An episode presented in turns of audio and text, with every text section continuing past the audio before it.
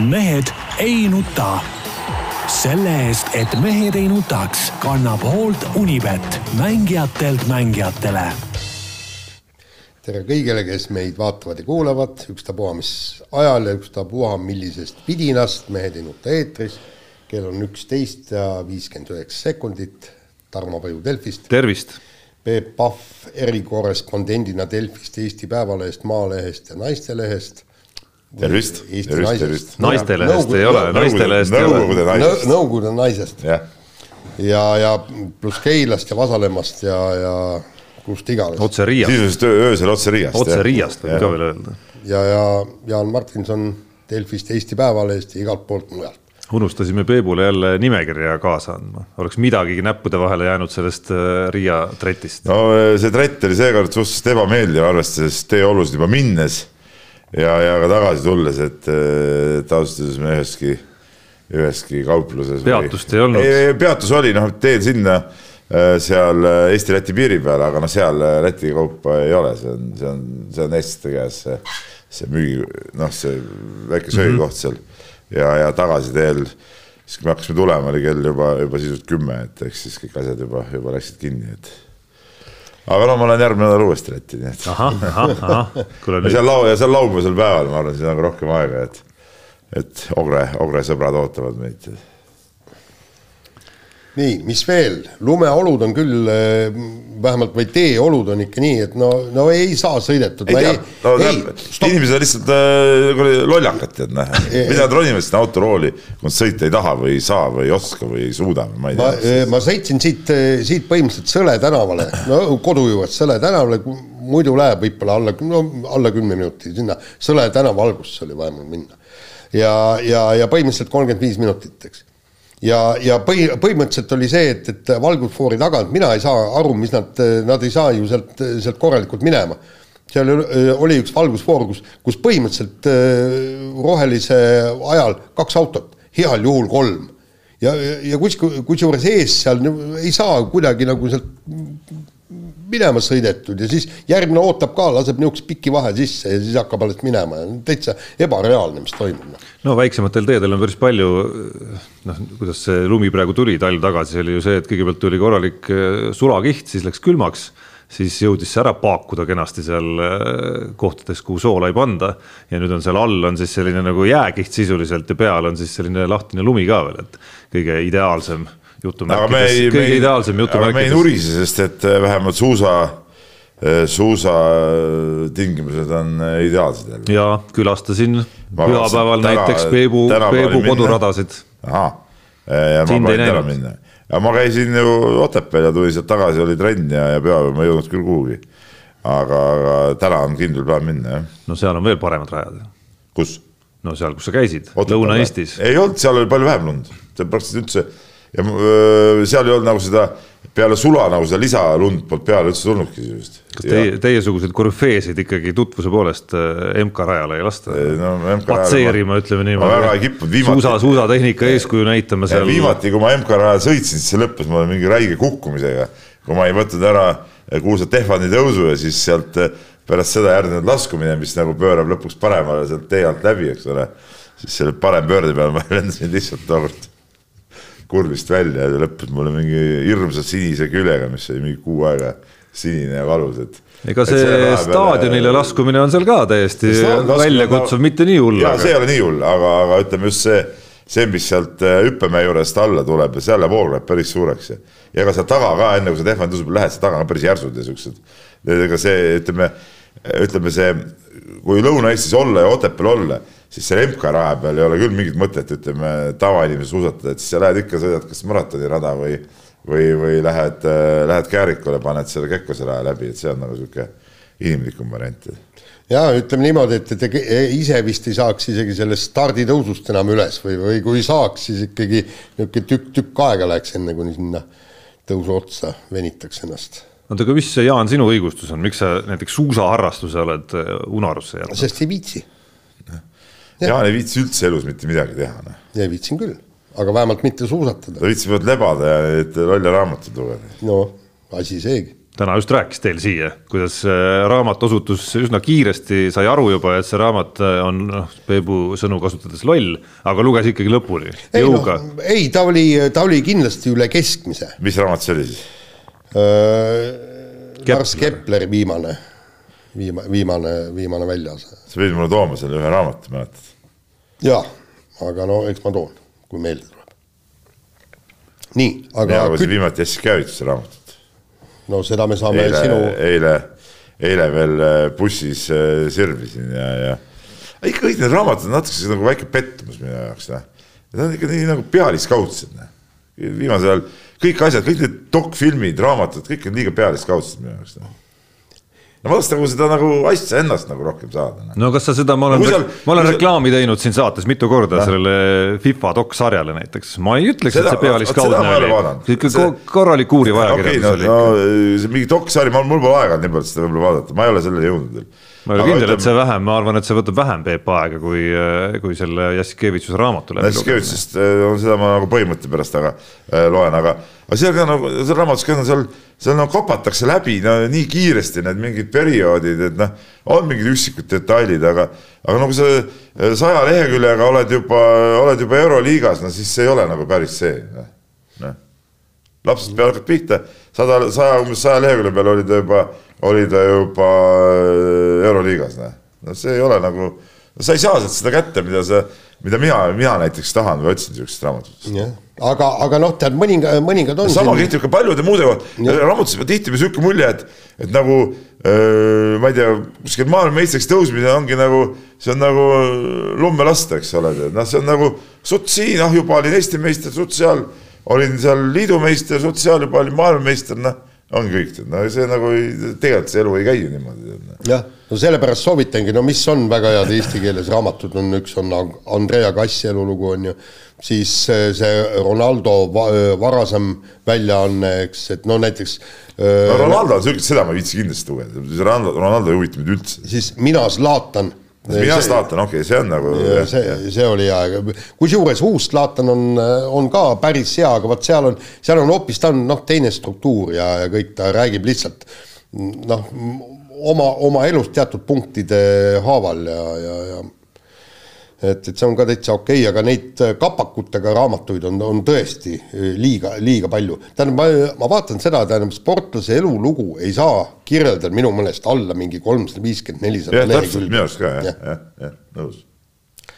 kuigi äh, näiteks üks raamat, mis on tõesti hea ja on õhuke, on see Äh, Jüri Tamme raamat Hird inimene, Davidile kirjutatud. seal on nagu huvitavaid detaile nagu ei ole palju, noh, see on nagu, et seal peavad huvitavad detailid peab sel juhul olema, kui sa seal niimoodi kappad, eks ole, et, et, et seal on nagu toodud välja mingid. no või et sa keskendudki mingile konkreetsemale asjale nii-öelda ühele, ma ei tea, ühele konkreetsele saavutusele näiteks ja tee, teekonnale selle saavutuseni on ju, mitte tervet karjääri ei võta no vot, noh, see. see jääb poolikuks. Kimi, Kimi Räikkonneni Kimi Räikkonneni esimene raamat, mis eesti keeles ilmus, see oli ka, see, see ei olnud ka üldse, üldse paks, aga ta, ta kirjeldab just seda Kimi Räikkonneni olemust ja, ja, ja, ja, ja kõike seda, tähendab, ta ei, ta ei võta seda karjääri. ja üks, ja üks asi veel, ei tohi kirjutada raamatut sel ajal, kui karjäär kestab, noh. see on ka täielik jura ju, noh. raamat saab läbi, aga karjäär läheb edasi veel, noh. no aga siis saadki teise. raamat peab olema ot ito. ahah miks, miks, miks see, kui on hea raamat, miks ta ei või kirjutada? ei, ma ei taha, ma tahan, et see, ma tahan tervet karjääri elada ühest raamatust kätte. kuule. hiljem no. ma loen ja mis asja läheb, pooleli, mis, mingi teine raamat tuleb kusagilt veel siis. Peebukene. ära vaidle minuga. ja liiga vara, liiga vara. ei muidugi jah absoluutselt, tähendab. Kaia Kanepi raamat, liiga vara. kuule, Michael Jordanist on kirjutatud raamatuid, ma pakun, mitukümmend. ja, ja, ja kirjutati loomulikult neid päris palju ka sel ja, ajal, sel ajal, kui ta karjäär ei olnud veel läbi. pluss tema karjäär ühel hetkel oli läbi, aga siis selgus, et ei ole veel läbi. et siis oleks pidanud ootama. nagu ole mees, peaks teadma, kas tal on karjäär läbi või ei ole no need osa raamatuid sündis, enamik on sündinud ilma, et äh, Michael Jordanil endal mingi roll üldse oleks selles ja nende seas, Peep, on päris häid raamatuid. päris häid raamatuid, sa pole ühtegi lugenud neist, ma arvan. Ühte Jordani raamatut ma olen lugenud. Nonii. Nii, aga ma ei mäleta, minu arust see väga hea ei olnud, mingit erilist muljet see mulle küll ei jätnud. ja see oli võib-olla see olümpiasarjas täitsa vana, vana, kus on see Allar Levandi Hüvasti sõba. kusjuures rääkides äh, raamatust, mis noh, mis ei pea olema tervest karjäärist näiteks, Peebule see ei meeldi, on äh, üks ägedamaid Michael Jordani raamatuid äh, on just nimelt sellest tema noh, nii-öelda nagu viimasest comeback'ist on ju, päris selline karm sissevaade ja, ja karm pilk ka noh tema enda nii-öelda nagu isikuomaduste pihta ikkagi. noh, nii nagu see dokfilm andis, andis päris hea sissevaate, noh, nii andis ka see raamat sellest see... perioodist, kus ta mängis siis Washingtonis. mulle see dokfilm näiteks ei meeldinud, täitsa igav oli minu arust no ei tea, mina, mina jään selles osas küll eriarvamusele, miks ta just seal oli, no sellist mämmutamist oli nii pagant palju ja, ja see fookus oli nii, nii hajali seal, et, et mulle see null muljet jättis see dokfilm. ma jõuga vaatasin seda täitsa sellepärast lihtsalt vaadata ära.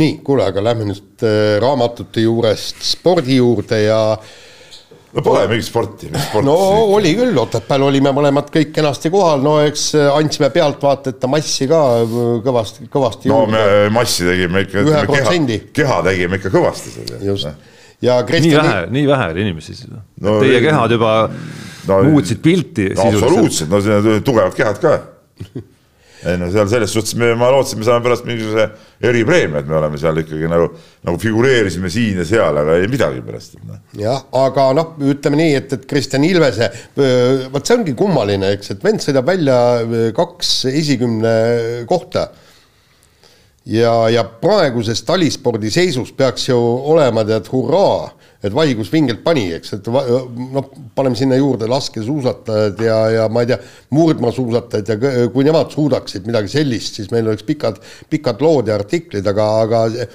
siin jäi ikkagi kahe, mis, mis ta siis oli, kümnes koht ja seitsmes koht yeah.. ja, ja Okas hinge ja, ja, noh, Kristjan Ilves ise ütles ka, et, et no ma ei saa pilvede sõljuda loota ainult, et kogu aeg poodiumile sõidan, et, et noh ja, ja, ja, ja esikümne koht on nii, nii-öelda, et kui sa poodiumil ei ole, on pettumus. et no kuigi ta ilmselgelt oli pettunud. ei, ei, ta oli näha igast tema ei, keharakust igas, igas hetkes, kus ta ekraanile või mikrofoni ette ilmus. ei, absoluutselt ja ongi, aga, aga see näitabki seda taset, eks ole. ei no mitte taset, see näitab seda, et see üldine äh, tase võib-olla ei ole nagu nii kõva, et kui, kui Ilves ikkagi, olgem ausad, täiesti ebaõnnestunud hüppevõistluste Äh, taustal saab nii kõrgeid kohti, siis noh, see. ei, aga ebaõnnestusid ka teised, seal oli, seal oli tegelikult, tegelikult seal ikka keerati ka küllaltki palju sellega, vaata seal see kommentaator ütles ka või, või, või, või meie, meil seal pundis, ajakirjanik pundis keegi kommenteeris seal, et et, et nad ei julgenud seda poomi kõrgemale viia ja, ja sellepärast äh, tulivad, äh, tulivadki need äh, alla sinna kaheksakümne peale, üheksakümne algusse, et ainult üks sajameetrine hüpe oli. Yeah..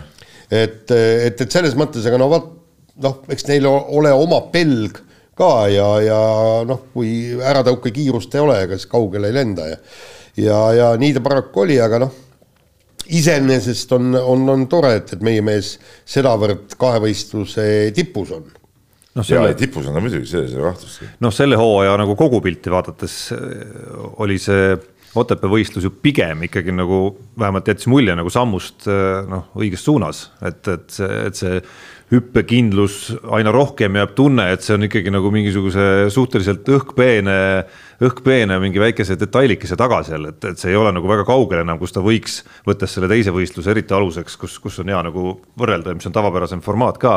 et noh, mis see eesmärk tema jaoks peaks olema, on olla selles suusasõidus, olla mitte selles jälitajate grupis, vaid olla selles esimeses neljases grupis. ja, ja seda, et ta selles neljases grupis suudaks seal lõpuheitluses üht-teist korda saata selles seltskonnas, kes seal oli, seda on ta tõestanud päris hästi juba sellel hooajal aga... ja, aga ütleme, olgem ausad, tervikuna see hooaeg on olnud ikkagi nagu pettumus laias plaanis, et, et, et võib-olla see, see foon, et see hooaeg on olnud, pole olnud päris selline, võib-olla hooajal ootasid inimesed ja, ja no ma usun, meie siin kõik ootasime ja, ja Kristi Ilves ise ka. et, et see on jätnud ka sellele jälje, et, et kui sai seal okay, esikümne kohti aga need olid ikkagi need kohad, mida siin kodus taheti, taheti saada ikkagi poodiumi kohti. ja ei, seda, seda kindlasti ja, ja noh mis on muidugi pluss, on see, et, et suusasõit on äh, Ilvesel kindlasti paremaks läinud ja oleks nüüd need kunagised hüpped ka, kui ta startis kas esimesena, teisena, vähemalt noh, kolmanda-neljandana, eks, ja, ja sinna praeguse aja suusasõit juurde panna, noh, oleks äh, tulemus päris hää olnud, aga aga tegelikult no vot, mis Okka hinge natuke jättis, oli selle teises sõidus oli see, et see jälitajate grupp nagu ei hakanud eh, neid esimest nelja venda taga ajama. nojaa, aga see noh, mulle meenub, hooajad on sassis, aga, aga meenub, meenuvad Kristjan Ilvese need eh, esimesed, ma ei mõtle seda, kus ta Jaapanis seal, või oli USA-s või Jaapanis, kus ta seal poodiumile esimest korda pääses, eh, kuskil hõredamas konkurentsis on ju, et, et siis, kui ta ise oli veel gramm nõrgem sõitja, siis tema esimesed suured kordaminekud tulid ju olukorras, kus ta sellesama Lamparteriga noh, läks nii hästi, et, et just nimelt temaga koos oli ta siis nende põgenike seas, on ju. ja, ja seesama Lamparter on näidanud ennast lihtsalt nii piisavalt kõva suusatajana, et temale ei võta see grupp niisama lihtsalt järele, kui, kui see vahe on juba kolmkümmend pluss, kolmkümmend pluss sekundit ja, ja kogu lugu. no jaa, aga, aga seal ees ei pandud ka ikka maksimumi, selle vastasel korral oleks see jaapanlane sealt raudselt ära kukkunud, aga nüüd ta pidas lõpuni vastu, noh. no ei tea, grupis nad suudavad sõita seal ikkagi, kehvad hüppajad ka päris palju. suhteliselt tihti muidugi. et see just täpselt, et ma see... siis, kui sa rääkisid siin oma Tehvandi kogemustest, siis see rada, eh, kus sõideti seda MK-d. no see on lihtne muidugi. see, seal aga... ma olen ise sõitnud ja see ei ole üldse raske aga rada. aga ma eile just, eh, just rääkisin siin eh, inimestega ja, ja järgmiseks aastaks tehakse rada raskemaks. No jumal tänatud aga, aga kui põgusalt rääkida ka publikust, Peep kirjutas tänasesse eh, Eesti Päevalehte kena kommentaari, et et noh, no meil tuli no, saate, no ei olnud publikut ja meile tegelikult tuli vaata üks asi, mida me ka ei, seal väga ei jälginud, meil akrediteeringud ja kaelakaardid olemas, eks. ja nagu seal ütles, et kakskümmend eurot on päevapilet, et no, no seda, seda võib ja, olla natuke palju. seda, seda tunnistasid äh, korraldada ise ka, et see, see võis olla natuke liiga kallis, et. no kakskümmend, kui sa nüüd paned konteksti, mis ümberringi, mis iganes ürituste piletid maksavad, siis nagu päevapiletist justkui ei ole, samas jah, kui sa mõtled, et tahaks, ma ei tea, Tallinnast või mõnest muust Eesti otsast tulla, mitte üksinda, vaid terve perega, noh siis hakkab see kruttima muidugi, see summa juba no, sadadesse ja sadadesse. juba see ööbimine krutib seal äh, mõnusalt nagu hinda. Noh. eriti veel niisugusel ajal on ju, kus, kus seal nõudlus on niigi laes ja, ja paremad kohad on kõik ära võetud juba ja, ja, ja, ja tegelikult noh, siin ei ole mitte midagi teha, see on, see on täiesti hämmastav ja kummaline. Äh, rääkisime seal, meil oli Õhtulehe noor reporter oli Norras käinud, see Olmeku online mäng, ütles midagi, ühesõnaga kahevõistlejad tulevad, Riiber, Riiber eesotsas, kõik teised vennad. Ja rahvas lihtsalt valgub pärast suusasõitu, lihtsalt valgub tribüünidelt minema, sa istud seal, oota need, see, see ei kesta ju kaua see kestab pool tundi. päevase ala ei huvita inimesi, midagi teha ei ole. aga, aga see ongi, see ongi. ja nad veel hullemaks seda ala ju teevad selle oma see vigurdamise laupäeval võistlesid täielik totrus. oli küll jah. see oli täielik totrus noh. Nad sõitsid grupis seal ära, see sõit, see oli nagu lihtsalt nagu, nagu null, null tolku oli sellest sõidust. et äh, hakati hüppama põhimõtteliselt null joone pealt ju noh. kes kaugemale hüppama võitnud noh. sest kes vähegi kes vähegi on äh, kahevõistleja, see püsis selles grupis ju ära, nad tulid ju kõik koos sinna finišisse. mis mõte see sõidul oli? ja, ja, ja Kristjan Ilves, mitmes ta seal sõidus oli, üheteistkümnes või kuskil? no kuskil sealkandis. ja põhimõtteliselt kaotas võitjal pool meetrit hüppe pikkuses, pool meetrit, noh mis on asja mõte? see on nagu, see on nagu, see on nagu sellisel kujul, ütleme, on täitsa totrust, et seal grupis nagu sa ütlesid, nad suudavad seal kõik äh, püsida, eks ole, ja, ja püsivadki, et, et, et seal sõidu, mingid sõidumeeste vahed tulevad ikkagi välja ainult siis, kui nad lähevad äh, eraldi stardist minema. kas seda vanasti, vanasti vist prooviti vähemalt seda versiooni, kus sa teed suusasõidu enne küll, aga sa teed selle ikkagi eraldi, eraldi stardist, on ju, et siis need vahed tekivad hoopis no, teises suurusjärgus ja. ja siis sul tuleb niimoodi, et viimastena hakkavad äh, sealt igasugused pittinid ja, ja siuksed mehed, kes hüpata väga ei mõista, hakkavad siis hüppetornist alla tulema, et, et võib-olla siis muutuks see hüppevõistlus seal äh, natukene intrigeerivamaks. ja, või siis teine võimalus, pange siis raske rada, tooge Tehvandi tõus ja kui sa neli korda pead võtma Tehvandi tõusu. no siis need, no see no,, seda nad jälle ära ei sõida jälle, noh, see läheb ka nagu rajuks. aga noh noh, mõnes mõttes on kahju muidugi korraldajatest selles mõttes ja see tuleb nüüd teema alguse juurde ju tagasi, et ma kujutaks ette, et see pilt oleks natuke teistsugusem, kui Kristjan Ilvese hooaja esimesed kuud oleksid olnud sellised, nagu ta ise lootis, et, et nad, et nad oleks saanud sellel hooajal, et vähemalt ma ei tea, üks-kaks poodiumi kohta ja, ja et see hüppevorm on olemas ja, ja see asiotaaž ja, ja tähelepanu, mis tal oleks siin esimestel kuudel läinud, oleks hoopis teine olnud, et no,, kindlasti küll, oleks see, äh, ma ei tea, kui mitte tuhandeid, siis sadu inimesi kindlasti rohkem Otepääle toonud, et. et see, et see huvi kahevõistluse vastu, noh, vaevalt see nüüd nipsust nagu tagasi tuleb, nii nagu ta kunagi oli. et, et see vajab nagu mingeid selliseid detailikesi, alates jah, sellest, et Kristjan Ilves tõesti on, on poodiumiehitluses ja lõpetades siis sellega, et need poodiumiehitlused oleks rohkem ka pildis, ükskõik kus ja ükskõik kuidas, on ju, et see laskesuusk, mis noh, ütleme Kristjan Ilvesega võrreldes viimastel aastatel ikkagi nagu noh, eestlaste tasemelt ei ole ju võrreldav, on ju. aga see, et ta on nii vägevasti pildis olnud Rahvusringhäälingu vahendusel. ala ka ikka, olgem ausad, ala ja ala, nii on paratamatult, andku kõik kahevõistluse sõbrad andeks, aga, aga, aga las suus siis on atraktiivsem. aga kahevõistlus on suudetud teha atraktiivsemaks, need suusasõidud on selgelt viimasel, ma ei tea, kolmel-neljal aastal, kus Kristjan Ilves on seda tähelepanu toonud ja meie pilke, vähemalt ajakirjanike pilke sinna viinud, on kõvasti atraktiivsem, kui ta oli Allar Levandi ajal, kus me nägime ikka väga pikkade vahedega tihti sõideti seal. kui põnev oli see legendaarne Calgary äh, võistlus siis no,, kus. no aga kui põnev oli äh, Oberstdorf äh, kaheksakümmend seitse. ei no Val di Femme oli ka, aga see võitlus ei käinud seal kulla peale no,, kus Allar Levandi neljandaks jäi no., et noh, et tänapäeval on põhimõtteliselt peaaegu iga suusasõit on selline, kus käib esikoha peale ja lõpusirgel võit. no kui just Riiber ikka ülipikalt ees ei ole aga, aga see pilt on nagu muutunud, et mulle meenub siin see MK-sarja lõppvaatus näiteks, kus, kas oli Riiber ja Lamparter äkki, kui ma nüüd äh, ei eksi, kus tegelikult viimasel etapil seal vahetasid kohti põhimõtteliselt niimoodi, et virtuaalselt oli kord üks ja kord teine maailmameister, et et see pool on nagu huvitavamaks läinud, aga noh, selgelt laskesuusaga on, on nagu raske, raske võistelda. seal on mingi väga segane värk, sa kirjutasid, Peep, ka sellest pildil olemisest, et, et ma ei ole päris lõpuni isegi nagu aru saanud, kuna Äh, Delfi nüüd näitab eeloleval hooajal lisaks Otepääle veel nelja etappi, et seal äh, seda peaks isegi võib-olla küsima, küsima ERR-ist äh, mõni ajakirjanik täpsemalt järele, et kas ja kui palju nad on üritanud seda sarja tervikuna endale saada, et eurosport omab seal õigusi ja minu teada ei ole nagu väga aldis neid seal ka ära andma, et, et, et mingi suhteliselt selline suusaliidu äh, enda suusaliitu tuleb tunnustada selle eest muidugi, et nad, et nad võtsid selle jada ette ja, ja tegid pingutuse, et, et neid etappe rohkem nüüd jõuaks, et.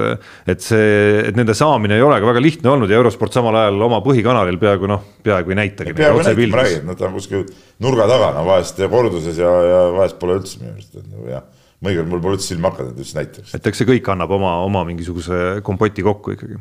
no nii on vahetame teemat, jääme talispordi juurde.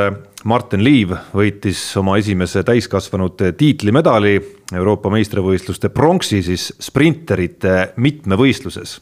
see oli vägev, me vaatasime seal ähm, Otepääl olles ka tegelikult äh, väga pingsalt seda sõitu ja seda, see oli jälle sihuke noh, nagu päris sport ja, ja, ja sihuke päris tulemuse peale, kes sõita, selles suhtes ikka äge ja, ja tegelikult seal oli ju intriige, sekundimänge ja kõike ja, ja. sekundimänge, vaid see oli. sajandike mänge. sajandike, kümnendike mänge. ja, jah ja., et, et äh, Ilves ju enne viimast sõitu oli teisel äh, kohal.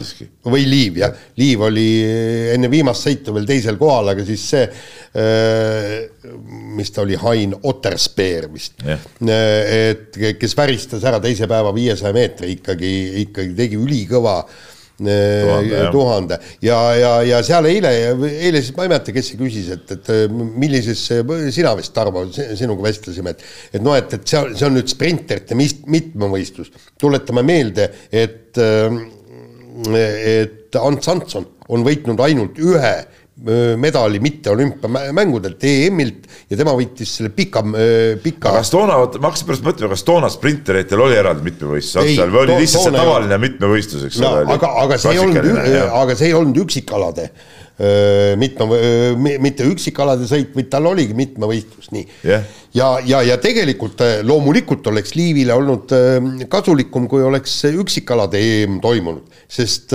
sest ta oleks ju, ta põhimõtteliselt oleks siis saanud tuhandes, oleks saanud pronksi, sest ta oli mõle, mõlemas sõidus kolmas ja ta oli kindlalt kolmas seal. ja viiesajas, noh ühes sõidus oli kolmas, teises teise, teine, et ta põhimõtteliselt oleks kindel medal igal juhul, noh. jah, ja, ja, ja see tähendaks ka, oleks tähendanud automaatselt ka ju EOK äh, ta niigi sai selle ju, olümpial. ei, ta sai küll, aga siis oleks üks aasta pikendatud ja kas no ja pikenduse, jah ja, ja ka ta oleks tõusnud A-gruppi ka vist minu teada. EM-i medal ja olümpia esikaheksa esikümme on EM-i kuld siis. kuld, kuld, kuld, kuld, kuld on A, jah. ja, jah. et MM-i medal tõstab ta uude kategooriasse. aga, aga mis mulle Liivi puhul harukordselt meeldib, et vend on selles mõttes realist, et ta ei, ei, ei kee nagu üle ega ei arva endast liiga palju, aga ta ei arva endast ka liiga vähe. ja ja ta ju olümpial ütles, äh, kui seitseteist sajandikku jäi medalist puudu, ütles, et siit maalt on minu eesmärk võita medaleid oma põhialal ja noh, nüüd see nii, siis pärast seda, kus ta oli, oli poodiumil Herrenmenis MK-etapil kolmas ja, ja ka pärast Kal-, Kalgari MK-etappe küsisin nüüd, mis eesmärgid on ja ei, mul on medal mõttes. ja, ja, ja nii ongi et oh, mis ma nüüd, eks, noh, et, et no mäletad, omal ajal olid suusatajad, kes kulda ja karda võitsid, öeldi, et noh, kõikide heade asjaolude kokkulangemisel on meil võimalus sekkuda medalimängu. Aga vend ütleb rahulikult, ta on realist, teab täpselt, mis on tema võimed. nii, aga lähme vist edasi järgmise teema peale ja, ja kuulus siis jalgpallurite pildiskandaal on siin kerinud nädala jooksul päris kõvasti tuure on igast arvamusi siit ja sealt tulnud ja ja Viktor Levada siis, FC Levadia suur omanik äh, ukrainlasest äh, ärimees mõistis siis asjaosalised karmide sõnadega hukka ja, ja, ja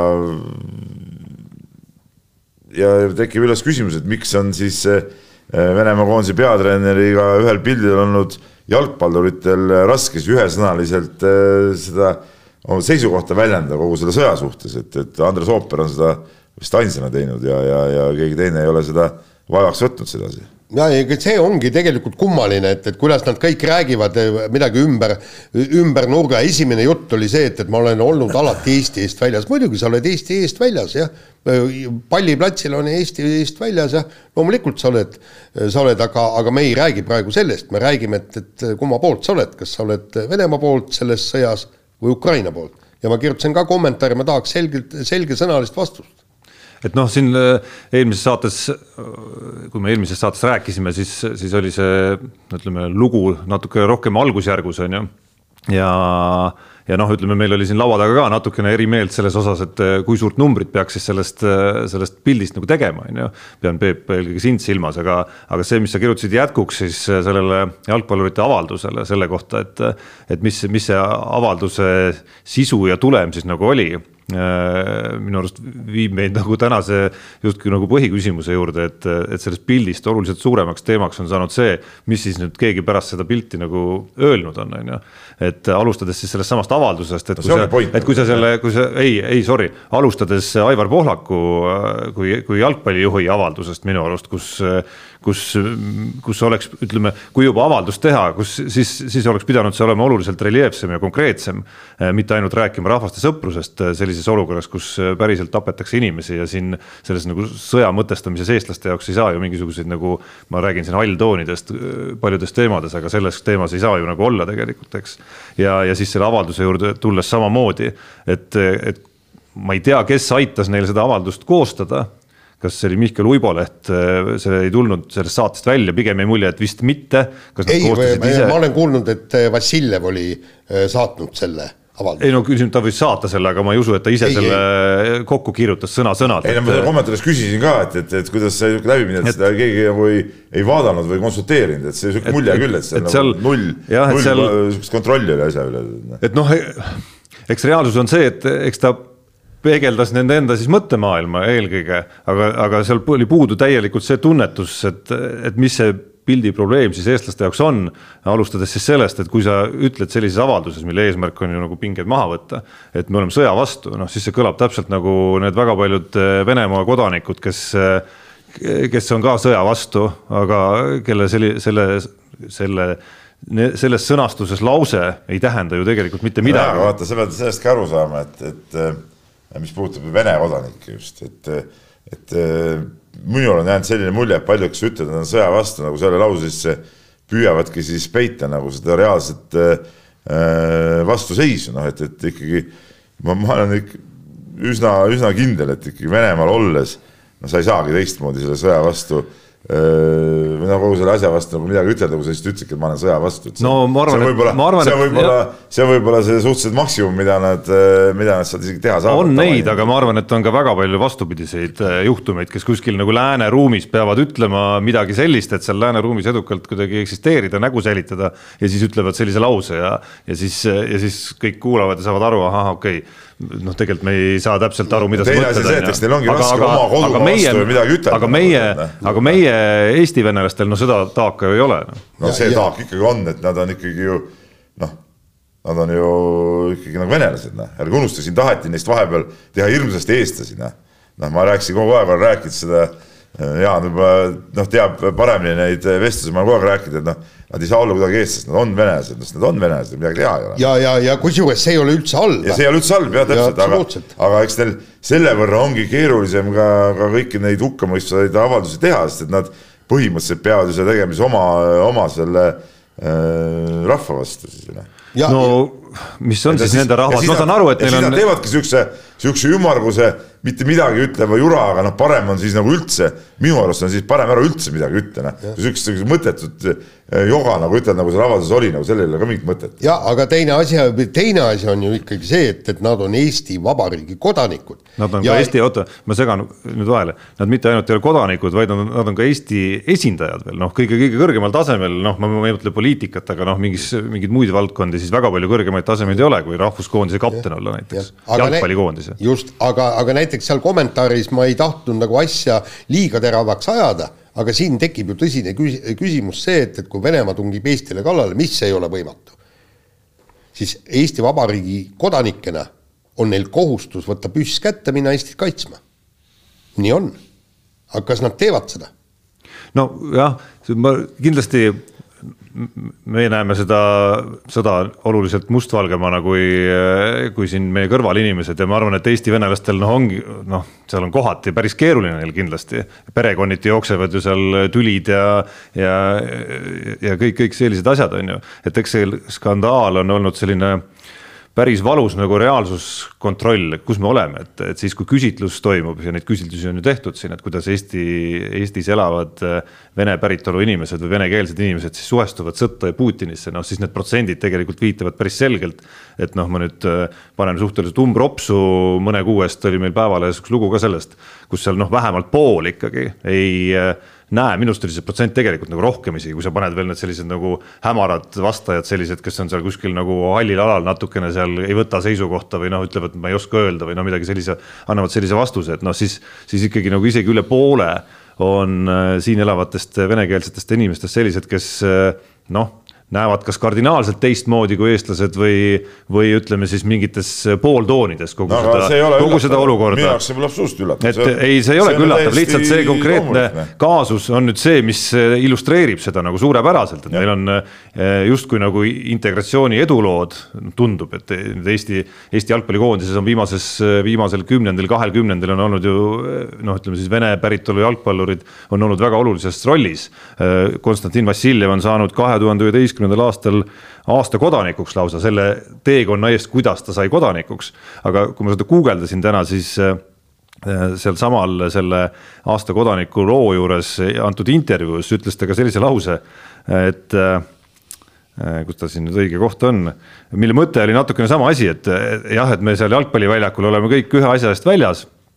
kuid kas meie riigis on täna piisavalt asju, millega inimesed oleksid omavahel seotud või et meil on mingid ühised suured eesmärgid, mille poole üheskoos püüelda, ei ole ja see ongi põhiline probleem, et noh, sellist, ega see pilt ei ole nagu muutunud, et noh, me elame ikka täiesti erinevates mõttemaailmades no, äh, tänaseni edasi. ja, ja, ja see ei ole ainult mitte meil siin, vaid see on igal pool Euroopas Vaata, ja seal pärast, igal pool Ühendriikides, seal on ju ka täitsa, no latiinod on latiinod ja, ja, ja aga, seal on omad kogukonnad, Hiina kogukonnad ja, ja kes, kes tõesti noh ausalt öeldes neil on suht savi kogu sellest ameeriklusest, neil on äh, hea seal olla, elada ja, ja loomulikult nad äh, hoiavad pöialt näiteks jalgpalliväljakul pigem Hiinale või, või, või, või Mehhikule kui, kui Ameerikale. aga sa nüüd, Tarmo, saad aru, miks ma kogu aeg räägin seda, et iga mees peab elama oma kodumaal, siis tehke üldse siukseid olukordi. no kuidas sa seda teed?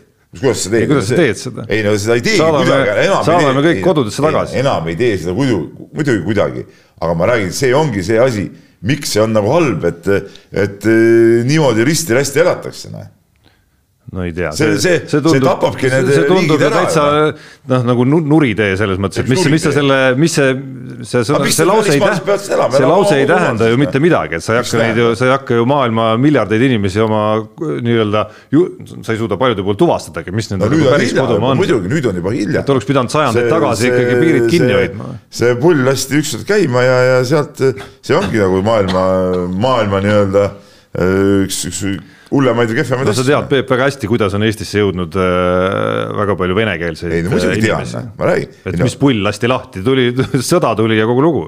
ei no ma räägin ja kogu see meie ajalugu on üks suur sõdi, sõda, mille käigus on need rahvad voorinud. no ja teine asi, noh, võta, võta see Saksamaa või kogu Euroopa, eks.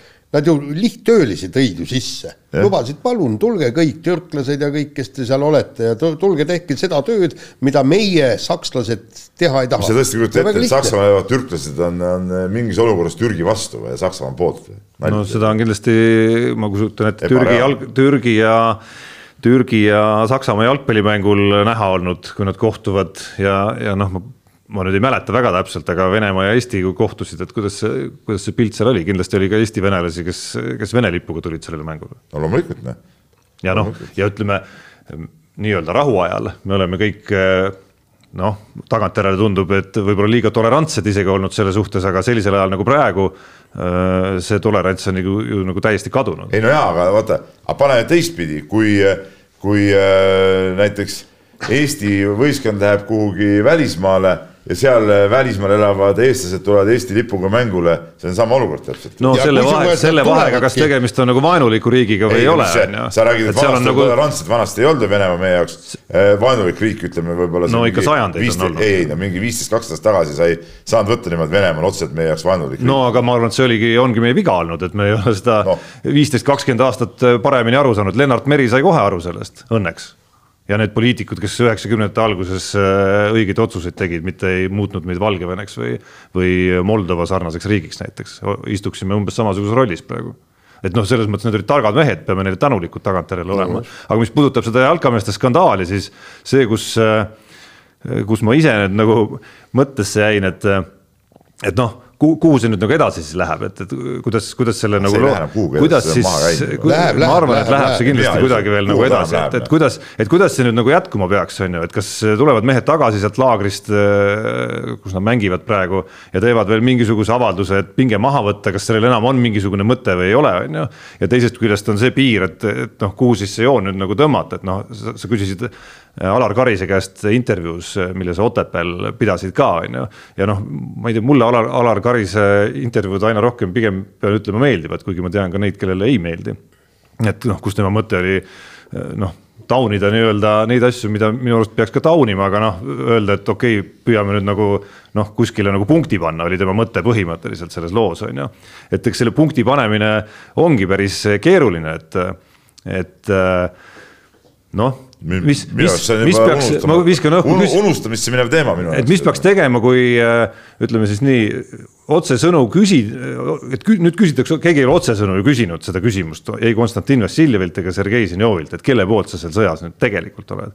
nii, ja kui nad ütlevadki, et äh, okei okay,, kui on, kui nad ütlevad, et nad on Putini poolt, no see on nagu lihtne case on ju. aga kui nad jäävadki sinna halltoonidesse kuidagi nagu, et, et mis siis on, kas hakkame kõiki, kõiki neid koondistest välja viskama või mis, mis see nagu edasi järgmine samm siis on, et meil on töökohtadel igal pool, meil on, kui ma räägin viiskümmend protsenti ja rohkem, on Eestimaa on täis ju selliseid no, venekeelseid elanikke. kuidas saad neid koondist välja visata nagu Ma ei, et, ma see, see oli praegu küsimärgiga, et, et mis me siis teeme, kas me selleks vastuseks ja. ka valmis oleme? ja, ja järgmine asi on see, et, et meie vaatame siin noh, üsnagi neutraalselt kõike seda, seda sündmust, aga jalgpallifännid ju juba tegid avalduse ja, ja kui tuleb jalgpallikoondis, hakkab mängima sealsamas Lilleküla staadionil ma arvan, et võib juhtuda, et Vassiljev ja Zenov lihtsalt vilistatakse välja fännide poolt. no ja teine asi see, et kui nad selle vältimiseks ütlevad, et oi, me oleme siin eh, Putini vastu, noh, et eh, kui, kui siiras siis see avaldus nagu tegelikult on. jah, aga teisest küljest noh, ikkagi esindusisikuna noh, neil see vastutus jällegi nagu teistpidi nagu on, et miks see probleem ongi see, et kui see protsent, millest ma siin räägin, on mingisugune viiskümmend pluss, on ju. okei okay,, seal on nüüd erinevaid näiteid alates sellest, kes on äh, mingi väiksem protsent, kes on tõesti nagu padu-padu Putini poolehoidja ja siis äh, sellised järgmised toonid tulevad sealt otsa, on ju. siis juba nagu selle publiku jaoks oleks oluline, et meie olulised sellised Eesti venelased siis ütleksid need asjad niimoodi välja, et see on nende võimalus, ütleme, mõjutada siis seda, et see viiskümmend protsenti aastate jooksul kuidagi vaikselt nagu väiksemaks muutuks. ja võib-olla siis ei, võib-olla siis ei refereeri mõni Vene väljaanne ka neid nagu nii lahkesti seal, kui see lause on ka seal selles avalduses kirjas no, konkreetsemalt, on ju. jah, täpselt, nii, aga lähme järgmise teema juurde ja räägime vigasest süsteemist Eesti Korvpalliliidus kaks äh, Eesti naiste koondise liiget äh, istusid pool aega platsi kõrval. mis te näp-, näpuga näitate? no sina loed ette, sina oled sõnumitooja, sõnumitooja on alati süüdi.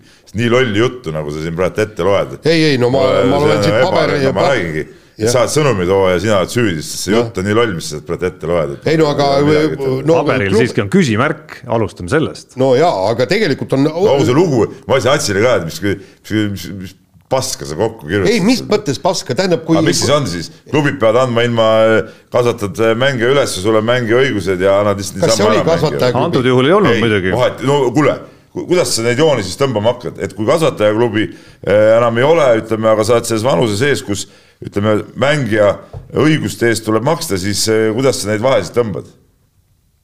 no aga need, need tingimused peavad olema öö, säärased, et et, et teised klubid, kes tahavad neid mängijaid endale saada, suudaksid need välja kanda. me võime ka panna miljon... summad on nii, summad peaks olema kordades suuremad. ei no aga summa, ära hakka, ära hakka lollust ajama, sa ei tea asjadest mitte midagi. Need summad peavad olema kordades suuremad tegelikult ja ongi jutu lõpp, ja kui ühel, ühel klubil ei ole seal paari tuhandet eurot anda sellest, et sul mängija mängiks, no kuule, halloo, no siis järelikult ei taha, et ta mängiks.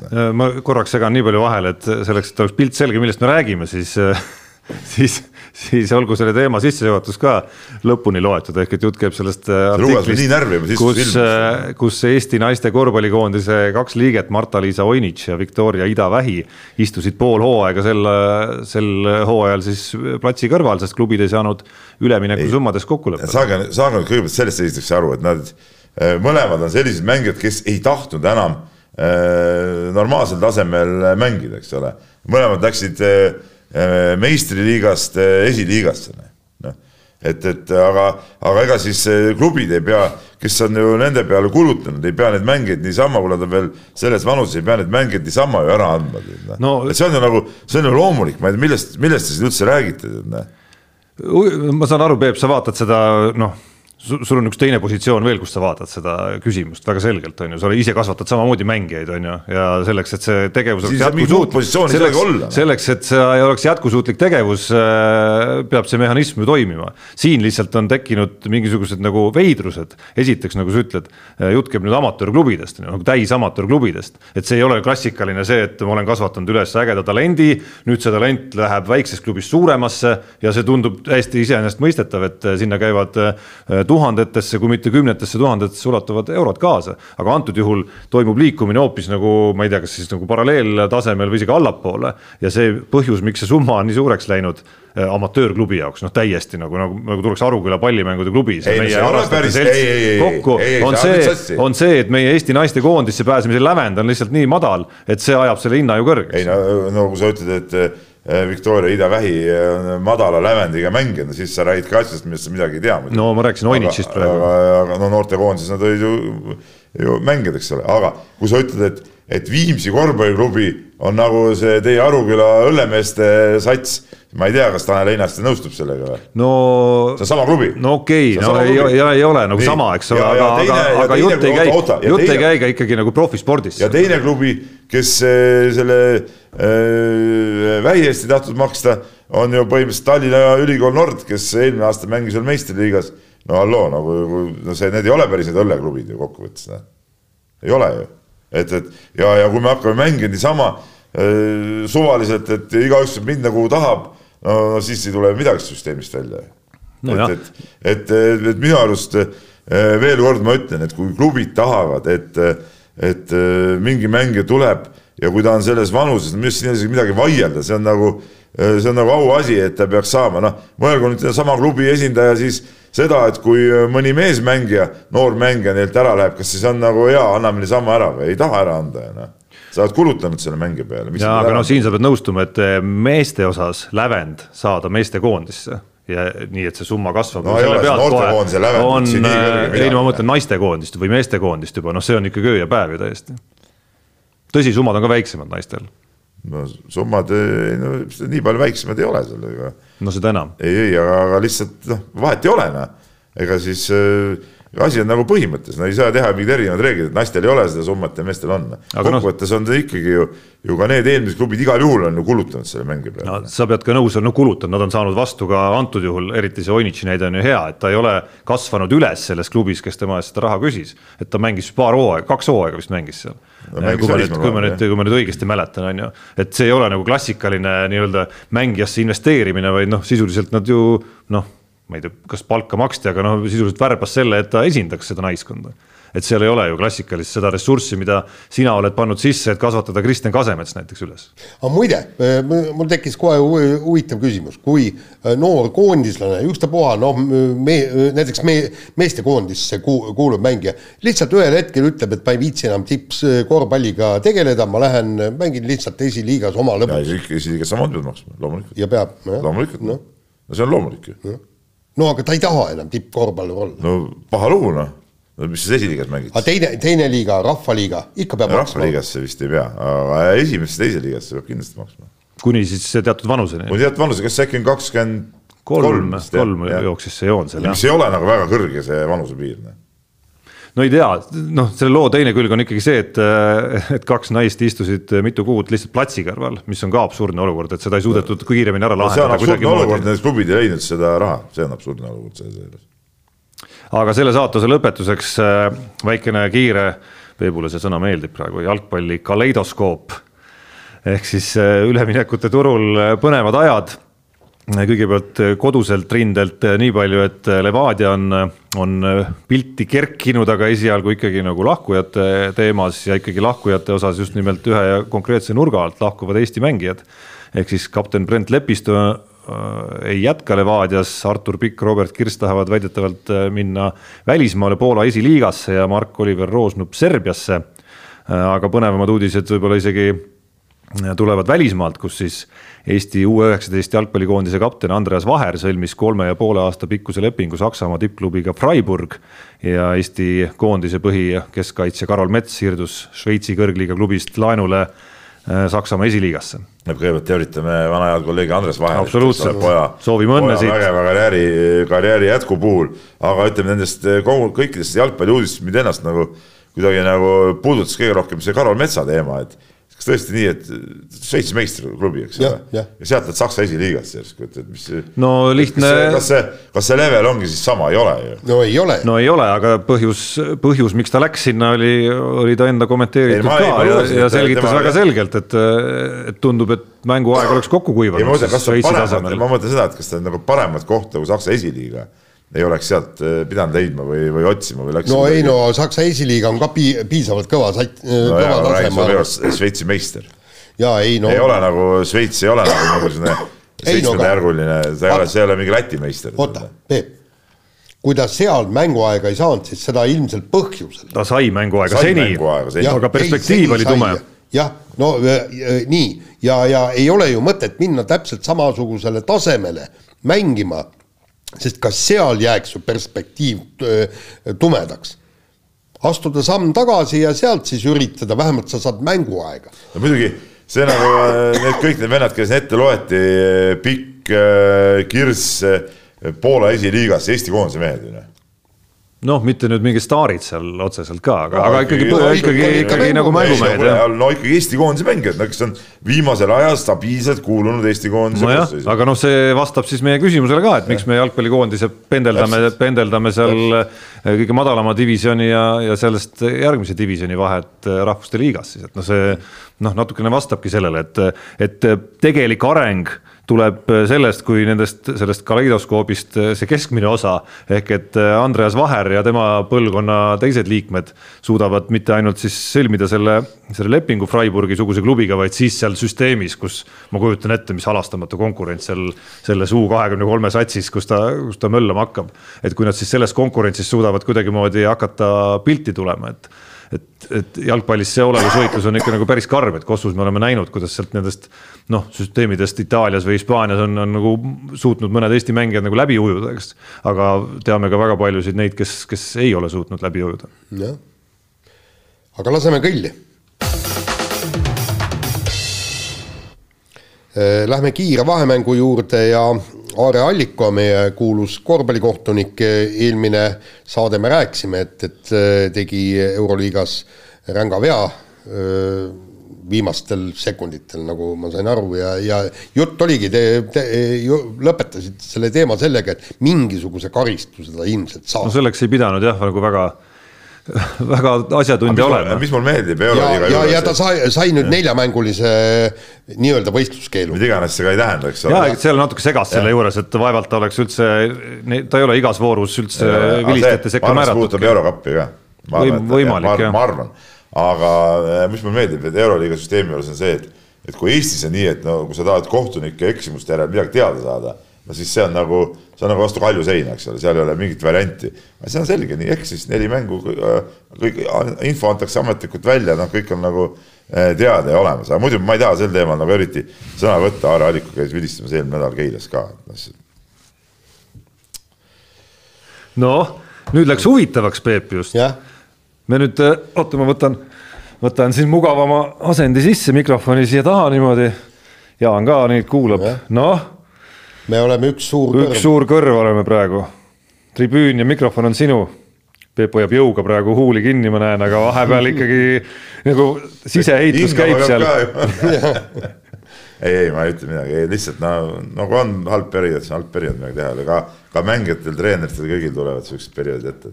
aga ei, see alguse juurde jah, naastes siis, siis see osa jah, on, on tipptasemel noh, miski, mida, millest saab minu arust nagu eeskuju võtta, et, et kui ka see eksimus on olnud, siis väga kiiresti noh, liiga ise juba teatab, et jaa, oli eksimus, et noh, ära ei, seda ei muuda kuidagi enam. teatud eksimusi sa ei saa nagu heaks ju mingit moodi nagu teha, on ju. aga, aga et see jada on, on tõesti selline, millest tasub minu arust madalamal tasemel ka eeskuju võtta. kusjuures seal oli veel eksimus oli veel selline, mis oli nagu mõnes mõttes nagu mõistetav. arvestades seda olukorda ja mida seal pidi korraga nagu jälgima, eks ole, no ütleme seal ütleme veaolukorda vaat-, nagu me eelmine kord rääkisime. nojah, aga sa pead ikka nägema seda nagu,. ei muidugi pead nägema, ei selge see, aga noh, ütleme, see on nagu mingi sihuke nagu, sihuke nagu, nagu pahatahtlik sihuke jura, eks ole. jah, aga kusjuures see on noh, okei okay, si, siin jäi eh, seis eh, muutmata ja tulemus jäi selliseks nagu oli, okei okay,, saan aru, aga näiteks ma ei tea, kas te olete vaadanud, Soomes oli ju suur skandaal Soome liiga mängus et Laut tegi protokollis, tegi, oli vist viis viga tehti. ühesõnaga jäeti, jäeti punktid panemata, pandi kolmese asemel kaks punkti ja midagi niimoodi ja lõpuks oleks pidanud olema seis viigis. tähendab, kõik videodest vaadati järgi, kõik mäng, mäng toimus, kõik, seis peaks olema viigis, lihtsalt unustati see punkte siia-sinna panna. aga üks sats võitis kahega ja, ja seis jäi arvesse, no vot see on nagu. ja no sama, sama olukord oli korvpalli EM-il. EM-il, kui Leedul jäi ju saamata ju see. üks punkt. üks punkt, üks vabaviisi või jäeti märkimata see üks punkt või? või jäeti va vabaviisi andmata pärast seda mingit äh, viga, mäng läks nagu edasi. jaa, täpselt, seal oli mingi tehniliste saaga oli vist. kas seal ei olnud mitte see, et oli kaks pluss üks, aga, aga mäng vist pandi seal seis. igatahes, igatahes jah, selline, selline äpardus tuli, see oli kolmanda veeranda lõpus oli seal. ja noh, nad ei tee jah, selles mõttes sellisel hetkel tehtud vea puhul noh, selles mäng läheb ju teistmoodi edasi, sa kui, kui see. minu arust siis on olnud üks lahendus. kui need punktid oleks. sellest hetkest edasi mängida. uuesti, mitu päeva hiljem kogumine uuesti kokku. mis siis? no see läheks ikka päris rajuks, sa hakkaksid pooli mängi niimoodi, sa leiad igast mitu, mängust. mis, mis mitu päeva hiljem? ei no ma räägin nüüd sellisest asjast, nagu see EM-il oli see, see oli kohe pärast mängu ju teada. aga siis oletame, et see on see andmata jäänud vabavise, et siis tulevad uuesti kokku, aga kui vabaviske mööda viskab, siis läheb kohe laiali uuesti. ei, miks? ei no sellepärast, et äh, seis jäi samaks, noh, sama seisu pealt ju originaalis mängiti edasi no aga, no ja no ka. no saad aru, absurdi saab minna. no jaa, aga, aga samas absurd on ka sihuke kaotus. et noh, nagu tulles selle. realistlik, siis mängid uue mängu siis. et tulles, tulles selle konkreetse Crvena Zvezda ja Barcelona olukorra juurde noh, siis see on ju ülilähedal sellisele olukorrale, kus sa saad siiski öelda, et noh, kõige lihtsakoelisemalt, kõige nagu mustvalgemalt äh, jäeti üks sats ikkagi ju võidust ilma. et noh, lihtsalt selle vahega, et sinna, sinna oleks jäänud vist sellel, sellel out'i astumise olukorra järel oleks jäänud mingisugune, ma ei tea, sekund kaks või midagi sellist oleks jäänud veel aega, on ju. aga teiste palli oleks olnud. aga teiste palli oleks olnud, muidugi sa saad teoorias öelda, et võib-olla nad oleks selle palli kaotanud ja siis oleks ikka see viigikorv sealt sündinud, on ju. et, et kuskil on ju see koht, kus kus ma nüüd võin natuke reeglites, mitte võin, vaid, vaid mul jääbki natuke küsimärgiks, seda oleks huvitav kontrollida. et kus see piir jookseb, millal ikkagi tagantjärele äh, asutakse ka seda mängu tulemust nagu muutma ikkagi. ja ma ei tea. et seal kuskil ikkagi see koht on nagu olemas küll, et kui noh, viskad näiteks lõpusekundil äh, korvi, ma kujutaks ette näiteks, mäletad Kalev, Kalevil oli kunagi olukord äh, see joone peale. selle ja kolmese joone ja, peale nagu astumisega on ju seda vaadati kohe, aga vaadati ekslikult. sest pärast fototõestus ja, näitas, et ja. Äh, vaadati valesti. aga videost ei olnud seda näha. just, et, et äh, kui sa ikkagi näed väga selgelt, et see viimase sekundi korv tõesti viimasel sekundil ei oleks pidanud olema kolmene, mis viigistas seisu, vaid hoopis kahene. tõesti viimasel sekundil koos sireeniga. kas siis on, kas siis läheb mängu tulemus muutmisele? ei, ei, ta ei lähe muutmisele, kui sa näed kohe ära selle, noh. aga kui sa pärast näed, siis muidugi ei lähe. noh, kuigi tegelikult ju nagu justkui nagu võiks, noh kõige lihtsamal moel, sireen kõlab, vise läheb teele, kolm oli vahe, tegelikult astus joonele, keegi ei näinud, et astus joonele, aga pärast ikkagi suudetakse ära tõestada, et Tead, astus joonele. mingid kindlad reeglid selle jaoks nagu välja töötada. ei, kindlasti on neil need reeglid jah, et kuskil on see koht, kus, kus tegelikult on ka mängutulemuse muutmine ju, ju okei okay,, on ju. ja no Ameerika jalgpallis seal on asi selles mõttes lihtsam, et kaks viimast minutit võetakse nii-öelda eh, kohtunikelt need challenge'id ära ja videokohtunikud vaatavad kõik olukorrad üle ehk siis nemad võtavad nagu öö, õigusemõistmise enda peale ja kohtunikelt selle taaga ka ära, okei okay,, kohtunik ikka jätkab ju mängu vilistamist, aga kõik olukorrad vaatavad. nojah, aga teisalt see läheb ka nagu absurdi, kui sa kogu aeg ainult seda telekat vahid, et et see inimlik faktor, noh, see on nagu paratamatu jälle selle asja juures. noh, noh seal... mõnikord see, no see, see, see teleka vaatamine, no halloo, no see on ka sihuke no meil oli reedel see mäng onju, see oli mingi esimesel veerand ajal juba.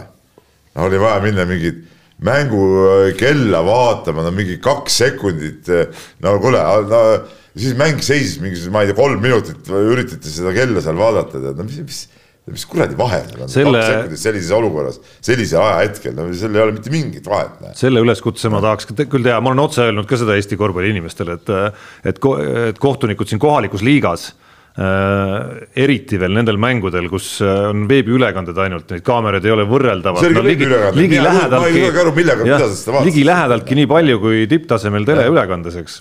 et, et, et noh, ei ole mõtet minna, usaldage kohtunikke, laske sellel mängul voolata ja siis, kui tõesti on otsustavatel hetkedel mingisugused sellised asjad, mis peab, mis võivad mängu otsustada, siis tõesti võtke see aeg ja minge, minge vaadake korralikult need asjad üle nii, vahetame teemat, tuleme jalgpalli juurde korraks tagasi. Eesti jalgpallikoondis eh, on siis laagerdamas, tegi maavõistlusmängus Islandiga üks-üks viigi ja noh, see on nüüd vesi Peebu veskile Eesti Jalgpalliliit teadupärast on eh, Viaplayga teinud oma diili, et, eh, et kuigi muidu on, on siis on siis tegemist tasulise platvormiga, siis Eesti jalgpallikoondise mängud peaks olema tasuta nähtavad kõigile, aga mingi tehnilise tõrke tõttu äh, jäi siis see mäng tasuta nägemata.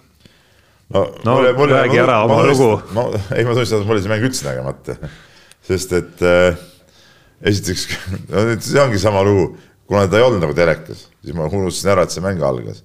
Aga siis ta pärast algas ja siis mul oli mingi trenn ja mingid asjad olid seal ja siis see mäng saigi niimoodi läbi, et ma ei jõudnudki seda oma seda telekat sinna Viaplay peale nagu sättida. mul on see äpp olemas muidugi, ma noh, põhimõtteliselt. äh, saad hakkama? ei, ei, ma muidugi saan hakkama, aga, ma arvan, see jäi paljudel seepärast vaatamata. jaa, aga teine asi on ikkagi tegeli-, tegelikult jällegi ühesõnaga noh, ma hakkasin muidugi seda mängu vaatama, eks, aga loomulikult ETV pealt ja siis ossa. kusjuures ka minul oli esimene, esimene tunne oli ETV kava minna vaatama, et oota, kumma, kumma kanali peal, mis kell ta nüüd on ikkagi. jah, täpselt, et, et, et noh, kahetsusväärne, et ikka, ikka. aga te nüüd vaatasite siis lõpuks sealt Viaplayst, eks ole? kuidas see oli siis, oli mingi stuudio, mingi taktikalaud? ei, ma, ma vaatasin poole silmaga, see ei olnud seal mingit taktikalauda. ei, taktikalauda ikka seda päris ei ole. stuudiot on üldse ei ole, jah? ei, seal vahel ikka on. et ma, ma ikka seda,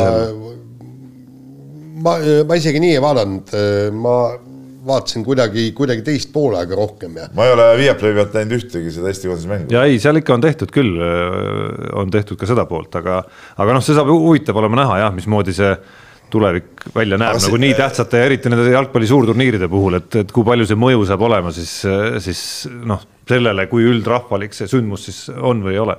aga see Viaplay on nagu erinevates riikides kuidagi erinevalt, vaata kuulsal Otepää MK etapil ma võtsin Jaani tähelepanu ka sellele, oli siis kuulus miks-tsoon, eks ole, noh.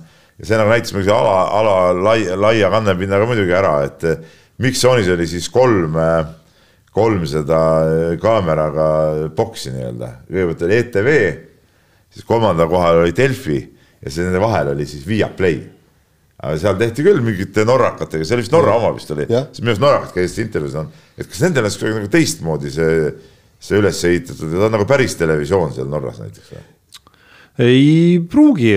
Võib täpselt samamoodi olla, ma lihtsalt, mida ma ei tea Norra turult absoluutselt on see, et, et noh, kuidas ta on integreeritud mingitesse noh, meie mõistes siis nagu Teliatesse või Elisa kas pakettidesse või, või on mingid rakendused. või on mingid või, või kas on mingisugused rakendused, rakendused, et sa saad noh, teha ka lepingu siis nendega mitte otse, vaid näiteks läbi Telia näiteks on ju siis. et, et, et kui kaugele nad on seal selles, selles vallas nagu. seal on päris telemoodi, ma räägin, noh, seal tuli inimene, tehti sõitjad, tehti nagu intervjuud. no selleks sa ei pea olema lineaarne justkui nagu päris televisioon no,, et seda sa võid teha põhimõtteliselt oma Youtube'i kanali jaoks ka selliseid asju, kui sa paned sinna korraliku produktsiooni, produktsiooni lihtsalt vahele. see, need kolm äh, kanalit seal intervjuus tegemas muidugi näitasid selle kahevõistluse, ütleme maailma haarde kohta ka nagu nii mõndagi, noh see oli isegi erandlik olukord. ETV oli. tavaliselt sellist asja ei, ei näe. Soomes on etapp, on ilmselt Soome tv, eks ole, või noh, jah, kui Norras on, siis ongi ainult see Viaplay. nii, ja lähme edasi ja, ja nüüd juhtus selline lugu ja ma tunnistan ausalt, mul on see läinud, see uudis täiesti radari alt läbi, et et keegi Itaalia suusataja Mikael Abram luges ringe valesti ja sõitis MK-etapil konkurentidest kolm kilomeetrit pikema distantsi. no ikka juhtub. Tour de Ski'l. Tour de Ski'l jah ja. pani ühe kolme koma kolme killise otsa. miks see Tour de Ski'l on nüüd niimoodi, et see lõputõus on mingisugune massstardist? ei tea, keegi see ei ole esimest korda. ei see, ole, ei ole jaa, aga see on ikka jura ju. Vanasti see oli ikka äge, kes ees see mees, eks ole, noh no, lõputõusul, see oligi, see oligi Tour de Ski'i sihuke põnevus seisis selles, nad läksid sinna tõusule selles järjestuses nende vahedega, siis sa seal vaatasid, et kas püsis ees, kas tuli keegi järgi. aga nüüd järsku mingisugune ma ei tea, mitmendana tuleb ja on võitud. no eks see loogika. ei, seal ei ole mitte mingit. seal ei ole mingit. ma üritan sulle selgitada, mis ei, on loogika antud ei, juhul meestevõistluse puhul. Kläbo oleks läinud, mis ta seal oli, kaks minutit peaaegu, teistest enne ja oleks umbes minut või viiskümmend sekundit kõigist enne jõudnud kohale, et no, põnev, et null põnevust. aga no mis siis teha no?? antud juhul käis vähemalt etapi esikoha peale mingisugune no, võitlus. kuule, no see etapi esikoht minu arust viimased etapid tuleks üldse äh, annuleerida, seal ei no. ole mingit tähtsust ma seletan, mis see loogika on seal, sinu asi on leppida sellega, leppida sellega või mitte. ma seletan sulle, kuidas asjad tegelikult on huvitavad. kuule, e, meil on ka kergejõustikus, paljudes jooksudes on see, et, et lihtsalt üks kütab eest ära ja kütabki tead. no aga kümnevõistluses mingi... minnakse ka ikkagi koos tuhande viiesaja meetrist. sellepärast, et see on alati nii olnud, see on teine asi. Tour de Ski'd ennastki pole alati olnud. no mis siis alati? no alati no,, uus no, nähtus siiski no, suusamaastikul. Tour de Ski mõistes alati nii nagu esimest korda, et kui kaks korda on ära olnud. sinu arust ei olnud huvitav, et see lõputeosu see, et kes kellele järgi jõuab või kuidas seal. minu arust oli päris huvitav jälgida ka seda sellisel kujul, et ma virtuaalselt näen, et kas Kläbo saab haamri või, või ei saa, on ju. vaata, Tarmo, sa oled ikka, sa oled ikka imelik vend. Et kui muud enam öelda ei ole, siis, siis tuleb see nagu tagataskust. no kuidas see saab olla huvitav, kui huvitav olla see, kes esimese viisisse jõuab? Noh. no päris huvitav oli see, et vaadata, kas Kläbo saab haamri, tal enam nagu silmsidet, sellist Oota, silmsidet, et ta saaks Tarmo. rippuda tuules kuskil ei ole, on ju. et kui sa seal nagu vajuma hakkad ühel hetkel, siis sa võid vajuda ikka päris karmilt, on ju. Tarmo, kuule aga siis äkki teeme siis äh, MM-idel ja olümpial ja EM-idel maratoni ka eraldi stardist ei ole ju huvitav, kui, kui sa näed, et noh, võitja tuleb esimesena finišisse mis asja, mis absurdi. see oli hea väide. see oli nüüd kõva võrdlus. kaks-null minu ja Jaani kasuks. jaa, vägev.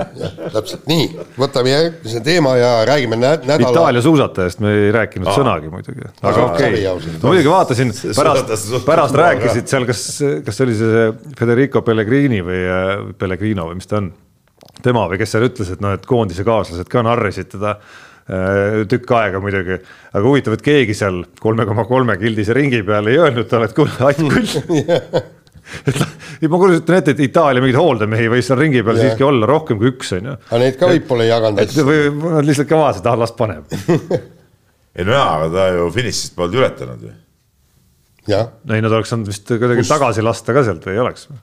no ei tea, ei ole kindel. ja kui sa sada meetrit eh, sõidad mööda õigest tähisest, siis sa saad tagasi minna ja siis küll jah. noh, et kui no, sa paned kilomeetri üle, no siis pead veerema kuidagi ka tagasi nii et sa ei sega no, kedagi. teistpidi on juba kiirem tulla tead. nii, võtame järgmise teema, räägime siis äh, nädala presidendist. Äh, Alar Karis oli Otepääl, sai temaga veidi juttu aetud ja ta andis teada, et ta noh, suuski seal Otepääl alla ei saanud ja viimati sai suusad alla üsna, üsna ammu aga ütles, et on väga hea suusataja, ta on Tartu maratoni läbinud korduvalt ja, ja ka nii pikalt, nagu ta oli, seitsekümmend kilomeetrit. ja, ja tegelikult noh, eks Peebul ole ka mõndagi vastu panna, et Peebul on muide vastu panna see, et ta käib praegu suuskadel erinevad presidendid. jaa, ei president on tore mees, minule vaata see ennist see presidendist juttu, minule Alar Karis on algusest peale meeldinud, ta on sihuke sihuke nagu päris inimese moodi nagu, et see on nagu, see on nagu jube tähtis minu arust vastu panna, mina olen ka Tartu maratoni läbinud, aga siis oli küll kuuskümmend kilomeetrit. kuuskümmend kilomeetrit. huvitav, et Jaan. ma nagu, ma see seitsmekümnest, see oli nagu varem ilmselt, küll aga. ei ta, kas ta ei olnud kuuskümmend kolm või midagi? kuuskümmend kolm midagi vist jah, küll aga, mis mul on vastu panna, Tartu rattaralli siis, kui eh, kolm aastat sõideti pikemaid distantse, korra oli sada seitsekümmend kaheksa, sada kuuskümmend kolm, ma ei mäleta, mis see üks oli. et need kolm eh, pikka, pika distantsi aastat olen mina seal läbi sõitnud ja korra tulnud seal esisajasse. huvitav, ma jäin mõtlema, vaatasin siin natuke, äh, kontrollisin, et äh, kui vana Alar Karis siiski täpselt on ja siis jäin vaatama, et Jaan kuidagi sujuvalt lükkab siin Peepu nagu tanki kuidagi ja. võrdlusesse Alar Karisega. samal ajal kui tegemist on äh, Jaan sinu enda suhtes ikkagi täiesti sama põlvkonna inimesega. kaks aastat on teil vanusevahe ja kaks aastat on siis noh, ütleme sina oled noorem ka veel on ju. et miks sa Peepu tanki lükkad, kui Alar no, Karis on praegu kõva, absoluutselt, kui, et kui äh, Alar Karis ütleb, et ta on praegu ka veel täitsa kenasti harrastab suuskadel, siis siis ei, äkki, äkki peaks selle. ei, seal, seal minuga ei saagi äkki peaks selle laiskuse pisiku ikka. ei, sellepärast ei saagi, et ma ei ole korduvalt sõitnud, ma olen ainult ühe korra. ei no korra. küsimus on Jaan selles, et. ma tean siin laua taga mehi, kes pole ühtegi korda sõitnud. ei ole niisuguseid, see, see ei ole võimalik. no minu arust ka see ei ole võimalik, aga, aga küll aga, küll aga kuskilt siuksed mehed on siia laua taha tekkinud, ma ei tea, kuidas need kuidas nad oota, kes seda... on Tarmo, ei ole sõitnud või? nalja teed no kuidas, ei võta see... kõigepealt jalad kõhu alt välja, hakka suusatama uuesti mis sa siin teistes. Tarmo, tee see maraton ära. kui tuleb vaba stiilis, siis lähen sõitma. vaba stiil no,, no see on mõnitamine suusaspordi. see ei ole no,. on muidugi. see on see õige maraton, stiil. klassika, kas saad pidama ei, või? eelmine aasta proovisin korraks isegi, ma vist rääkisin siin saates ka seda, see ei olnud üldse äge. ei, Tarmo ma, ma praegu tegelikult ei saagi selles mõttes asjast aru, et Tartu maratoni rajal sõidetakse määrimata suuskadega, paaristõugetega ja, nagu ja mis, mis sul on nagu ei no ega ma ei mäleta, see oli nii ammu, võib-olla sõitsingi aga see nagu, kui päris ausalt rääkida, ma nagu ei kujuta ette, kuidas nendest tõusudest paarist tõugetega. ei, aga seal nad jooksevad üles ju. nagu Kläbo sprindis no Jaan niimoodi läbiski okay., Jaan no, niimoodi läbiski, ta oli ajast ees. meiesuguste jaoks see maraton ikka sedasi, et ikka. see tundus, ma ütlen ausalt, kui ma proovisin klassikat sõita eelmisel aastal Kõrvemaal korra, see tundus ikka nii nüri, no vabandust kõikide klassikahuntide ees, ma, mul on tegelikult, ma imetlen teid ja teid on nagu neid, kes valdavad seda tehnikat, on seal suusarajal, seal mõned vuhisevad äh, minusugusest äh, noh, mitte just mingisugusest suusakorüfeest ikkagi ka klassika stiilis rahulikult mööda, on ju. noh, sa näed kohe, et seda ilus vaadata, et seda on ilus vaadata, kui sul on see käpas korralikult, aga kui sa seal noh, oled selline nagu suht lihtsakoelise lähenemisega suudad seal seda asja teha, siis kuuskümmend kilomeetrit niimoodi seal ei, aga seal on vahepeal paaris tõuge. laskud vahepeal, laskuda saab ka. miskipärast ma ei usu, et sa seal viiekümnendal kilomeetril väga paaris tõukeid enam harrastad. miks mitte? seal jah, lõpp on nagu niisugune sile maa, vaata seal nagu ei saa väga seda paarist tõuget. ma arvan, et meiesugustel ei ole seal jõudu väga paarist tõukeks enam. viiekümnendal. see ei ole sihuke, sa pead jalaga tahab jalg ka niimoodi. ja vahelduv tõukeviis. ja. ei, ma olen lapsena neid kõiki loomulikult sõitnud. Aga, aga see tundus väga nüri, kuuskümmend kilomeetrit niimoodi seal sõuda siis. see oli ainuõige värk. see oli ainuõige värk, jah. aga selle saatuse lõpetuseks äh, oleme suutnud, Peep, õnneks sinu tuju nüüd natukene paremaks, kui saab kaaslaste peale, kaaslaste kulul aasida, siis läheb tuju heaks kohe, nii et enam õlga nutmiseks ei olegi vaja, nädala, nädal Keilas rubriik igatahes oli mõeldud selle jaoks, et Peep meie õlga saaks siin natukene kasutada, kaks väga valusat kaotust, üks siis viimasel sekundil koduväljakul vastaselt, keda noh, tegelikult oleks tahtnud võita kindlasti ja, ja siis haiguste laine ja ja eilne Brett Riias noh, ei toonud ka väga palju tuju parandamist. Peebul ei olnud nädalavahetusel isegi poliitilistel teemadel tuju, ütleme kraagelda, mida me aeg-ajalt siin Messengeri vahendusel teeme, aga, aga seekord oli tema see, kes ütles, et kuule, mul ei ole tuju see vastab tõele, jah, oli küll niimoodi see oli pärast, pärast reedest eh, seda mängu, see, see oli tõesti valus, valus kaotus, noh. ja, ja eks seda on eh, video pealt keritud ka ja, ja, ja nii ta on. no mis läks valesti? ei no eks see, see, see. treeneri kaotus ikkagi. meid mõjutas kindlasti ikkagi see, et meie tsenter, kes on meil ikkagi domineeriv mängija, ei mänginud ju ka reedel kaasa, et, et, et see ikkagi lõi selle selle mängupildi natuke, natuke sassi, noh, et, et et selle vastase vastu oleks äh, hästi ära kulunud see suur mees, kes oleks sealt alt, alt äh, ära lammutanud selle asja, aga, aga ei lammutanud ja. aga lõpuolukord? no lõpuolukord, äh, mees, kelle vastu tehti, pidigi siis teatud asjaoludel enda jaoks ootamatult kolmkümmend viis minutit mängima ja mängis sirgetel jalgadel ja ja üks-üks kaitse ei ole nagunii ta kõige tugevam äh, moment, et äh, jah, seal oleks võib-olla saanud ka natuke teistmoodi seda, seda kaitset mängida, aga, aga läks nii, noh, et, et aga ma siin kuulasin siin ühte sõbralikku podcast'i ka, et ma nüüd sellega päris nõus ei ole, et, et et Läti ülikool koosneb mingitest äh, suva, suvavendadest, ma seal enamus neid poisse tean noorteklassidest peale, nad on kogu aeg nagu Läti omavanuste äh, tipud olnud, et, et päris nii ei ole, päris, päris äge sats, eile. Muuseas Riiga minnes, noh, meil nagu ikka jõuavad varem kohale, LU mängib ju samas saalis, kus VEF ja, ja seal oli LU trenn oli parajasti veel käis, kui ma sealt natuke piilusin ja, ja, ja mõtlesin, et, et, et pagan, see LU tsenter mängis jube hästi ja no siis ma vaatasin, no pagan mees ju trennis, trenni teeb Lauris Plausi vastu, kes on LU kolmas, kolmas treener ja kes on trenni ajal oli seal platsi peal ja ja, ja sihuke, sihuke möllamine käis seal seal korvi all, et, et selge see, et see kutt on, on tänu sellele kõvasti arenenud. aga eile oli nagu kolm meest oli puudu, ausalt ma kartsin isegi hullemat, sest et äh, algvisikus oli kolm meest, kes eelmine aasta mängisid esiliigat meil, noh, et, et lähed sihukese satsiga VEF-i vastu, kes äh,, kellel on kõik mehed rivis, noh siis mis sealt ikka tulla saab. ma veel ketrasin su jutu taustaks seda lõpurünnakut siin LU vastu noh, LU lõpurünnakut õigemini. ei no nad tõmbasid Nad tõmbasid ei no tõmbasid nagu Tartu ja..., mäletad, Tartu mängis vanasti väga palju, isegi mitte lõpurünnakut niimoodi, no üheksakümnendate lõpus. kus mehed olid, neli meest olid kõik nurkades ja Tanel Tein näiteks tihtilugu oli see, kes siis üks-üks ehitas seal ja noh, siin see üks-üks duell oli muidugi kaitse vaatevinklist lootusetu no,, küsimus, küsimus jääb, et kas, kas kuskilt oleks abi pidanud tulema ta, veel ja, ja mis sealt edasi oleks pidanud saama. pidanud tulema abi ja oleks pidanud sundima söötma, aga tegelikult ütleme mängus nad äh, karistasid need äh, seal lõpus ka paari, paaris olukorras karistasid kohe ära, kui vabalt viskasid. nojah, lihtsalt sealt alt viskab igal juhul sisse. alt viskab igal juhul sisse, et sealt äh, nojah, küll me seal oleme vaadanud, kes, kus seal eksis, aga no mis, mis sa enam teed. on nagu on. ütleme, kui seda kaotust poleks olnud, oleks seisud päris head, aga nüüd nagu seisud nii head ei ole. nii on. laseme kõlli laseme Unibetis saab tasuta vaadata aastas enam kui viiekümne tuhande mängu otseülekannet. seda isegi mobiilis ja tahvelarvutis.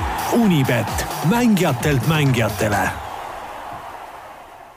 nii, Unibet. Nonii, Unibet, Unibet on meie toetajaga alanud aastal, aga, aga see nädal saab olema siis see nädal, kus me paneme oma oma ennustused äh, ja oma, oma nii-öelda nagu ralli siis uuesti käima, alustame, alustame jälle võrdselt pulgalt kolmesaja euro pealt ja, ja hakkame siis vaatama, mismoodi see aasta päädib.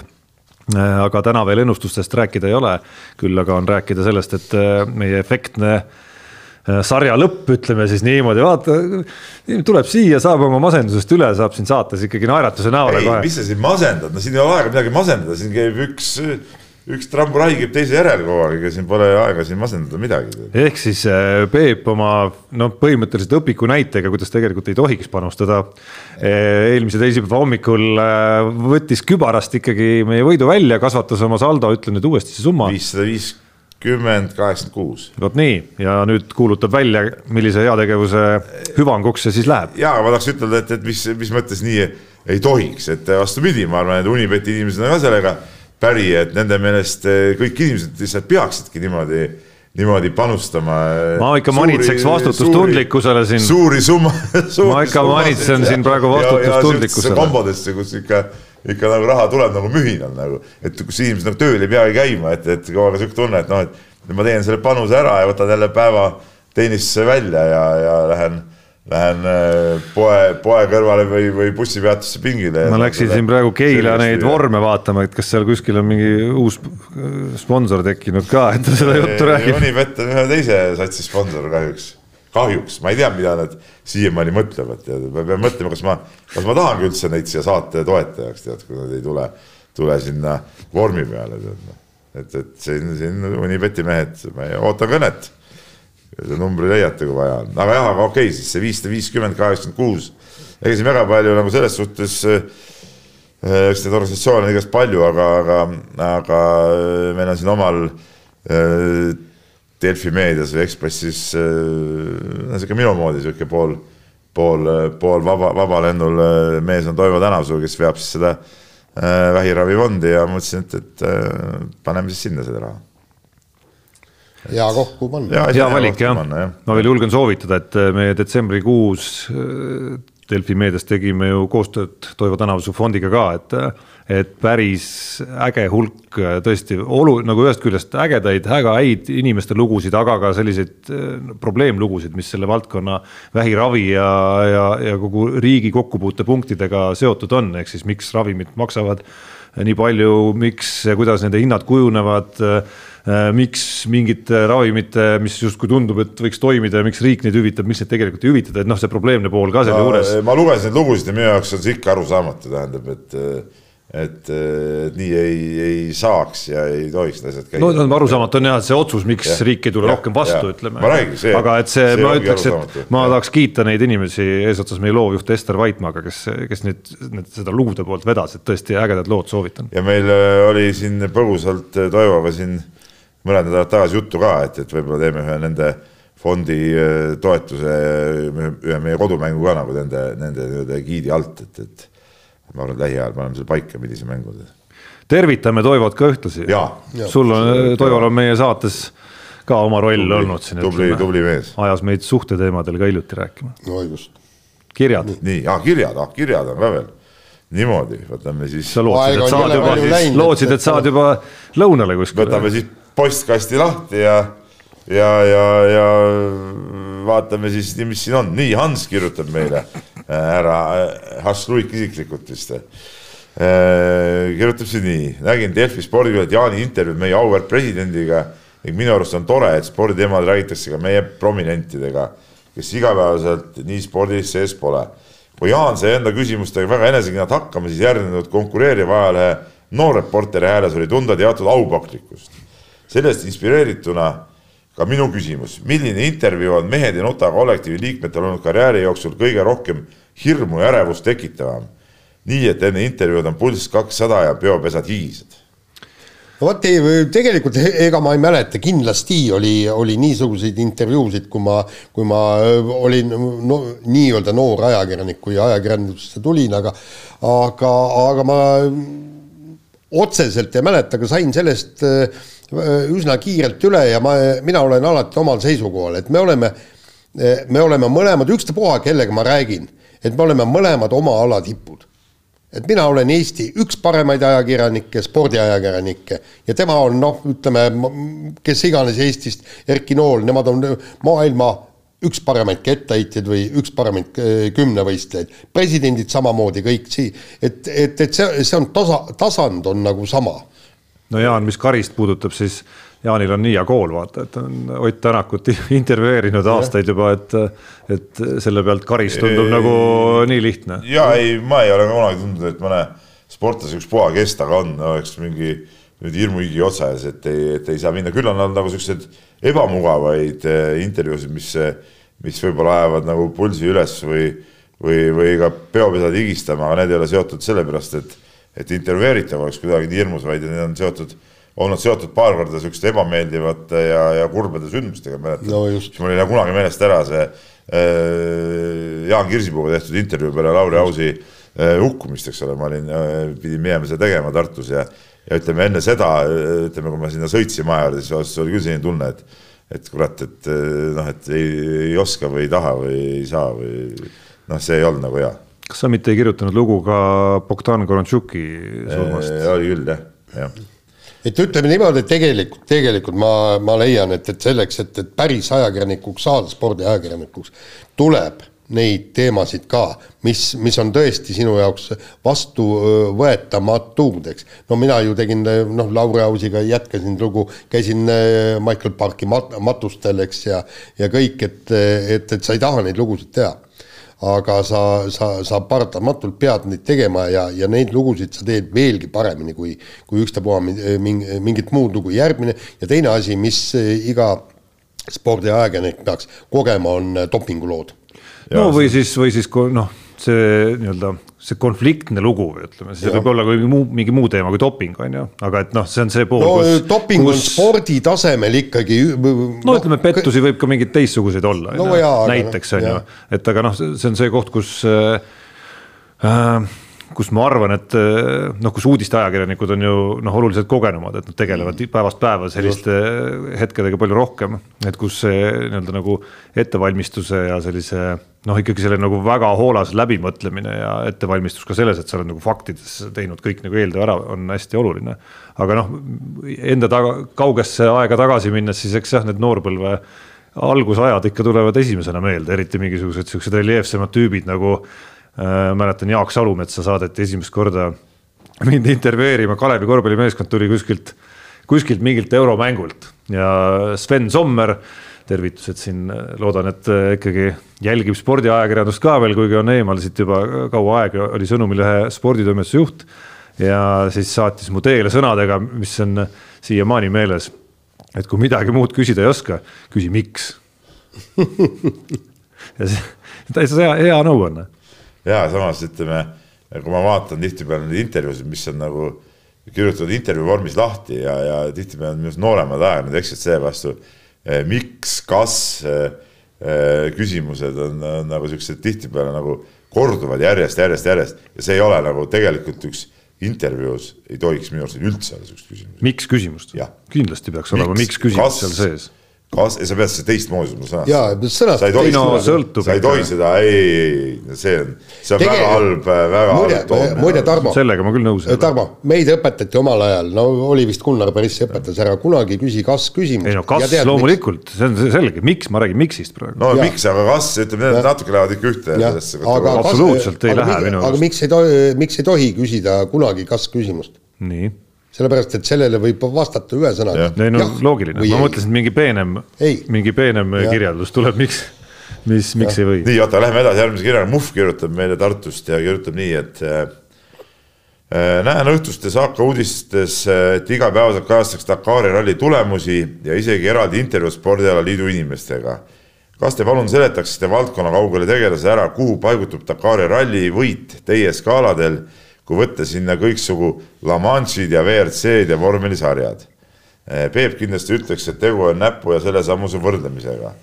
aga kas Dakari puhul on tegu pelgalt ülirikaste keskealiste vanemate meeste puhkuse veetmisega või on see ikkagi päris sport, väga raske on aru saada, miks selline asi väga suurt kajastust leiab, no ma ütlen siin kohe ise ära, et Dakari ralli äh, kindlasti ei ole äh, keskealiste vanemate meeste puhkuse veetmine, et see on ikkagi väga-väga raske katsumus, tõsi, tõsi, ta on selline ala, kuhu noh, kuidas ma ütlen, ta, ta ei ole nagu nagu laias laastus tavapärane tippsport, noh, ta on ikkagi sihuke nagu teist nagu, nagu seikluse asi ja, ja ta on nagu teistsugune, aga, aga kõik, kes selle läbi teevad, noh, öelda, et, et nad käisid seal puhkamas, on ikka üdini vale, et see on ikka päris, päris ränk katsumus ja Dakari ralli võit eh, ikkagi, no mina võrdsustaks seda ikkagi WRC etapivõiduga igal juhul. no ei, seda kindlasti ja, ja kindlasti ma paneksin noh ta ettepoole Le Mansist ja. ja, ja, mina panen ka.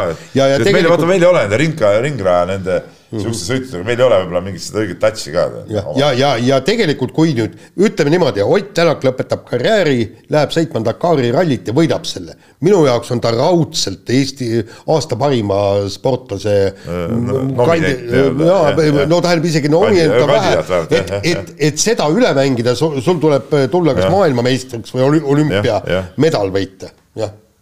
nii on, ei, see on, see on vägev asi. Mis puudutab jah, seda puhkusereisi, siis ma eile, ma ei tea, kas te sattusite vaatama, Ringvaates oli, oli klipp nende meie ühe, ühe paariga kahest, kes meil seal praegu on. et äh, ei tekkinud isu väga pikalt selles masinas seal kõrbes küll sõita, kasvõi reisijana ja ei, see väga-väga mõnus. see oli ikka väga jõhker rappumine, mille, mille, mida sa seal tundide kaupa ju pead vastu pidama. no just. nii, saade on ülikaua kestnud, aga ühe küsimuse võtan veel ja traak on üks, kaks, kolm. selline tore, ma eeldan, et mees, võib-olla ei olegi mees, võib-olla on. miks traak ei, on mees peab olema? siis, et ei, draakoninna oleks sellisel juhul. naine, ei ole või? mis sa naerad, ei ole või? ikka on ju. aga küsime lihtne küsimus, mida oskab rääkida no mu keel ei paindu ütlema härra, aga siin HR punkt on pandud ette. Jaan Martinson Jüri Vipsist. Eh, millega ta järgmisel hooajal tegeleb, kus sõidab? No, absoluutselt null, null no,, null infot. no see on jälle Jaani, Jaani tase muidugi tuli välja. et ma sama küsimuse esitaks ka, ka Margus Hundi kohta, mis Margus Hunt teeb? absoluutselt null infot. aga miks sa pole uurinud? oleme uurinud. ja ei, me, me noh, meil on, meil on Vipsi kohta on väiksed infokillud, aga mida siin no. ei saa öelda, sellepärast et see, see jah, aga, aga, aga neid välja käia ei saa ja, ja, ja tegelikult noh, tegelikult on null teadmist ja ma veel kord ütlen, eks, et et eh, vähemalt motospordis ja muide Ameerika jalgpall läheb ka sinna. hundile oled helistanud vahepeal? Eh, ta ei võta eh, toru. nii, aga, aga seal on ikkagi see, et, et sulle enne ei öelda mitte midagi, võtame täpselt sellesama Ott Tänaku näiteks. ja et, et põhimõtteliselt noh, teadmist ei ole, spekulatsiooni võiks olla, aga ei ole. teadmisel ei ole see teadmisel suurt midagi peale. ta läheb siis ookeani taha või ei lähe? no seal on probleemid tekkinud. ja on, on tekkinud just ikkagi probleemid selle nii-öelda N, N-tähega sõna tõttu.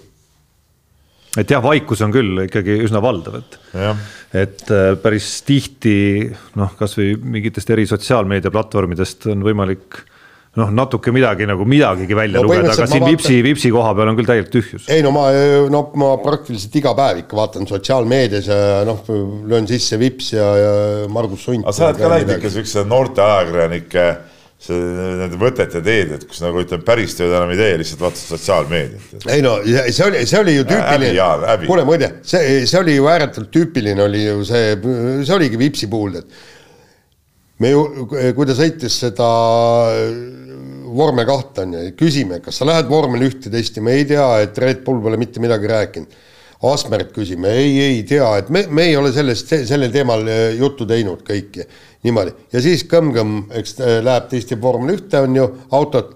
Ja siis muidugi pärast tuli välja, neil oli kaks kuud või isegi kolm kuud juba ammu teada, iste oli valmis, kõik simulaatoris oli seda rada õppima hakatud ja venna, venna, vennad lihtsalt täiesti tuimalt räägivad, et ei, ei, me ei ole midagi kuulnud sellest, noh. ma ei olnud kuulnud. Noh. No, no, ta ei teadnud võib-olla, et iste on valmis. Noh. jah no.. ei, ei see selles mõttes, et noh, see, see, sa ei ammuta sel tasemel, sa ei ammuta seda infot kuskil. nii, aga sellega on saade läbi ja kas muud pole öelda, kui kuulake meid järgmine kord. mehed ei nuta. saate tõi sinuni Univet, mängijatelt mängijatele